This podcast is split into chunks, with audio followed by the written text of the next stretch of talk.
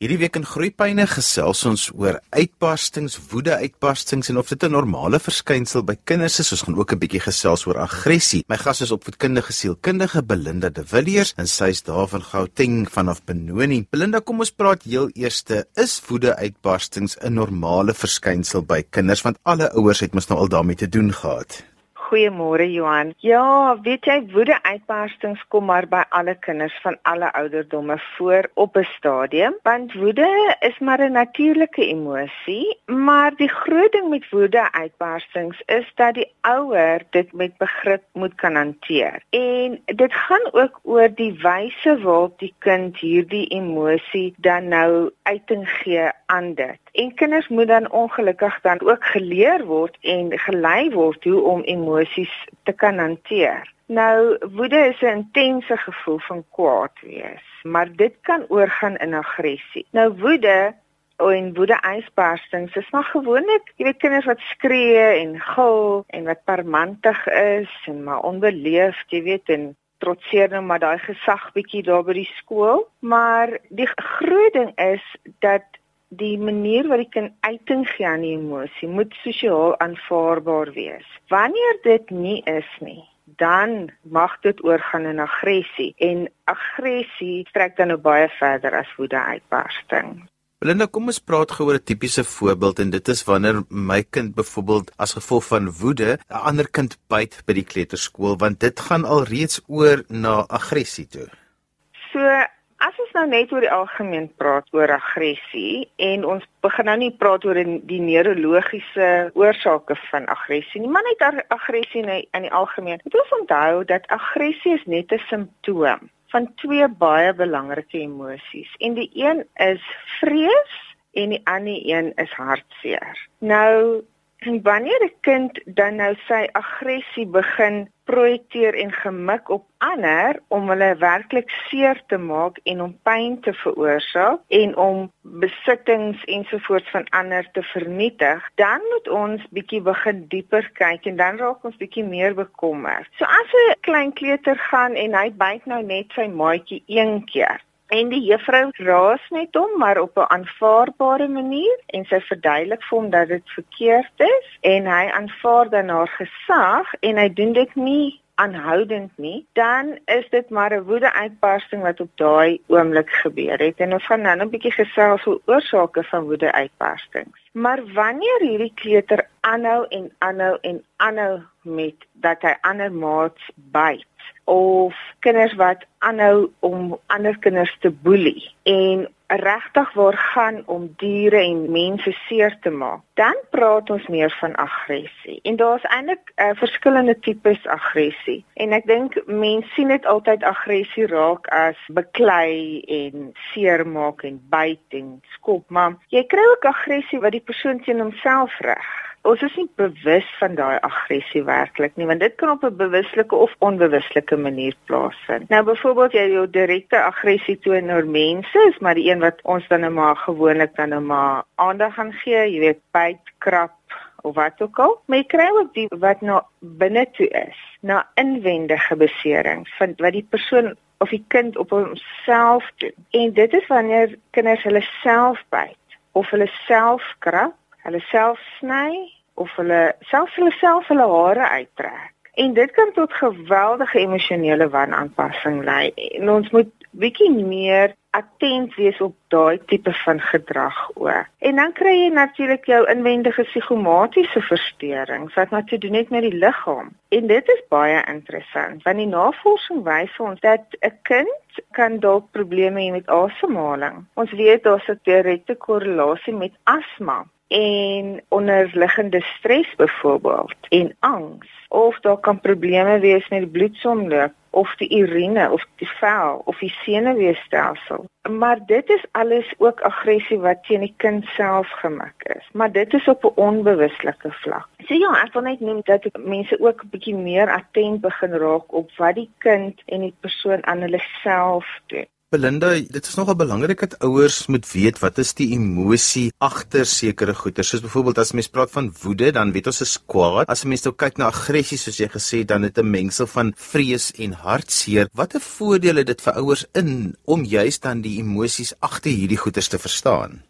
Wanneer 'n kind dan 'n woede-uitbarsting kry of 'n aggressie, dan is dit belangrik vir die ouer om daai emosie vir die kind te kan teruggee sodat die kind kan verstaan of die boodskap kan kry my pa of my ma verstaan my emosie. So wanneer 'n kind dalk aggressief is, kan die ouer die emosie teruggee en sê dit lyk vir my of jy dalk bang of hartseer kan wees. En die boodskap terug vir die kind is jy hoor my.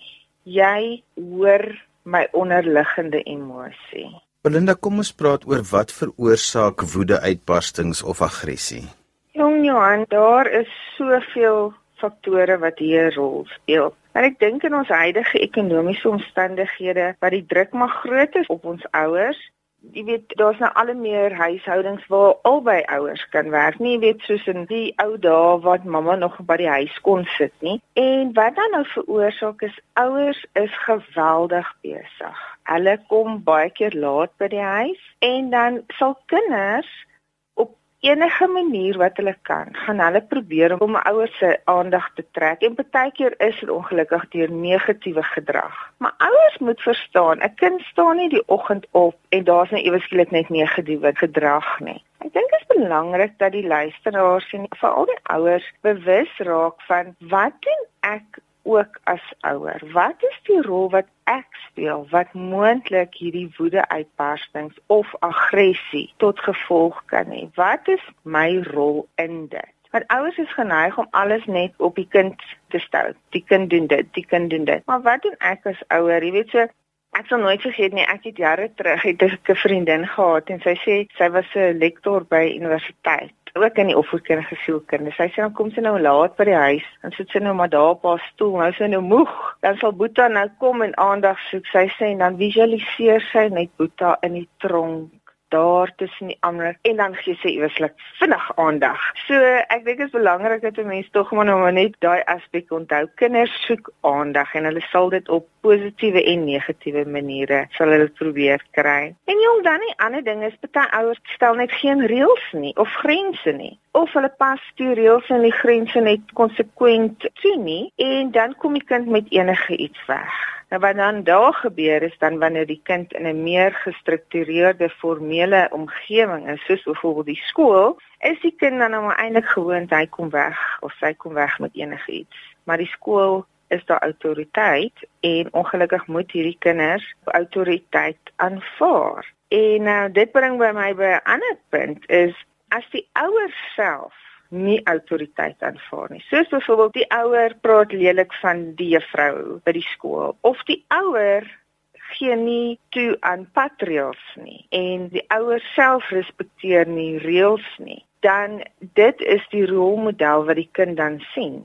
En so gaan dit dan gebeur dat die kind self ook nie by reëls en grense gaan hou of autoriteit gaan respekteer nie. So daar weer eens wil ek eerlik weer beklemtoon. Ouers moet baie meer bewus raak van hulle eie gedrag en hoe dit die kind se gedrag dan kan beïnvloed. As jy sopas ingeskakel het, jy luister na Groepyne op RSG 100 tot 104 FM en jy kan ook op die internet na ons luister by rsg.co.za. RSG word ook op die DSTV se audiokanaal 813 uitgesaai. Ons gesels vandag oor woede-uitbarstings en aggressie en my gas is Belinda De Villiers en sy is 'n opvoedkundige sielkundige in Benoni. Belinda, maar wat is die verskil tussen 'n woede-uitbarsting en 'n tantrum of die mooi Afrikaanse woord 'n vloermoer? Want dit is nie heeltemal dieselfde ding nie. 'n tantrum of 'n vloermoer soos ons praat in ons mooi Afrikaanse taal, het meer te doen oor kinders wat besig is om hulle identiteit te vorm. So ons sien dit op verskillende ouderdomsfases en baie keer gaan dit oor die kind wat onmiddellik sy of haar sin wil hê. En wanneer hulle dit dan nie kry nie, dan omdat hulle nie die woordeskat het om uiting te gee aan wat is die emosie wat hulle beleef nie, gooi hulle dan nou die sogenaamde vloermoer. En dit is maar net 'n manier vir 'n kind om uitdrukking te gee. So dit is baie belangrik dat ons vir ons kleintjies maar van vroeg af leer en 'n goeie woordeskat vir emosies te kan ontwikkel sodat hulle in plaas van om negatiewe gedrag te openbaar te kan sê wat is die emosie wat hulle ervaar. Ja, want soos ek altyd vir ouers sê, as 'n kind woede uitbarstings het, dan sy kwaad, maar as hy uh, vloermoer gooi, dan sy gefrustreerd. Dit is so, hy's gefrustreerd, maar ook dit is weer eens die gedrag wat hy wys dat hy 'n sekere emosie ervaar of dat hy nie sy sin kry nie. Baie keer kry kinders alles wat hulle wil hê en dan kom daar nou 'n dag wat hy nou nie kan kry wat hy wil hê nie. So dan raak hy gefrustreerd en dit is dan nou sy manier om uiting te gee aan die wêreld om te sê dit is hoe ek voel. Belinda, so hoe moet ouers en wat is die basiese beginsels wat 'n mens moet toepas om woede-uitbarstings beter te kan hanteer? Jongs, soos ek gesê het, ek dink 'n mens moet maar van vroeg af begin om die riglyne en die grense vir mense kind neer te lê en dan die groot groot belangrike een hierso is konsekwente dissipline. So wanneer daar grense dan nou gestel word, moet dit deur die ouer konsekwent deurgevoer word. So ek kan nie vandag vir boetie of sussie sê, maar hierdie is die grense en jy moet hier by hierdie reëls hou in ons huishouding en rotine nie. Maar môre vergeet ons daarvan. So konsekwentheid en dissipline is baie belangrik. En dan moet ouers saam staan. Kinders kan baie vinnig agterkom wanneer ouers verskil oor dissipline. En dit is belangrik dat die ouers nie die kind die geleentheid gee om hierdie gaping raak te sien nie. Want wat gebeur is dat die kinders dit manipuleer en dit kan dan nou tot verdere woede uitbarstings lei. En dan om keuses te gee. Die konsep van keuses is baie interessant want jy gee die kind 'n bietjie beheer maar binne perke. So die kind wil byvoorbeeld nie huiswerk doen nie. So jy kan dan vir die kind sê as jy kies om nie jou huiswerk te doen nie, dan kies jy om vanaand kom ons vat maar 'n voorbeeld nie TV te kyk nie. So daar is dan 'n straf verbonde. Maar hierdie straf moet altyd uitgevoer word deur ouers. Ouers moenie net dreig nie. Kinders is baie slim. So as hulle weet 'n ouer dreig net, dan gaan hulle werklik nie die straf wat die ouers voorstel ernstig opneem nie. En dan vir met ons tieners moet ons ouers besef dat mense wil eintlik maar net 'n kop stamp sessie met kinders vir my. En veral met ons tieners, tieners is in 'n ontwikkelingstyd van waar hulle hulle eie identiteit besig is om te ontwikkel en 'n uh, ouer moet probeer om nie altyd in die geveg in te loop wat die kind daarso stel nie. Weens gee erkenning aan die gevoel, lig die opsies uit met die gevolge en dan moet daai gevolge deurgevoer word. So jy kan vir 'n kind uh, byvoorbeeld sê jy het nie dit gedoen soos wat ons bespreek het nie of jy oortree die reëls en dan jy het gekies om die reëls te oortree, dis kies jy nou ook die gevolge daarvan. Die onderliggende die onderliggende beginsel hierso is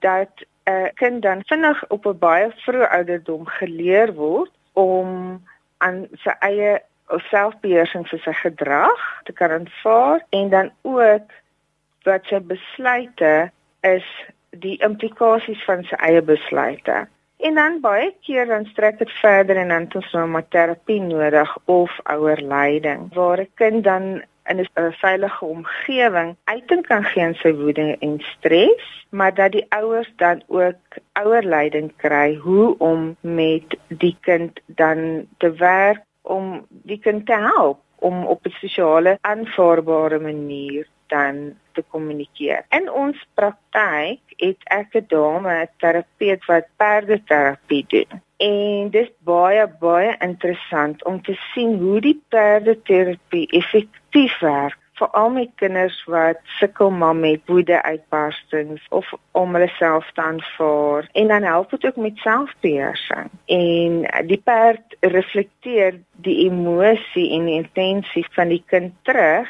en die kind en die terapeut werk dan aan strategiese tegnieke om byvoorbeeld die perd te kalmeer. Nou al die perde is baie mak en rustige perde. Dis hoekom ons hulle gebruik in terapie. Maar dit reflekteer dan weer op die kind terug en sodoende werk die kind dan deur sy eie woede of vrese of hartseer. Maar die belangrikste beginsel is maar jong, mens moet 'n goeie verhouding met jou kind hê en spandeer kwaliteit tyd saam met jou kind. Ouers moet leer om hulle kinders te lees en persoonlikheid te aanvaar en gedrag op 'n manier te kan hanteer sodat die kind kan verstaan wat is aanvaarbare gedrag en wat is onaanvaarbare gedrag.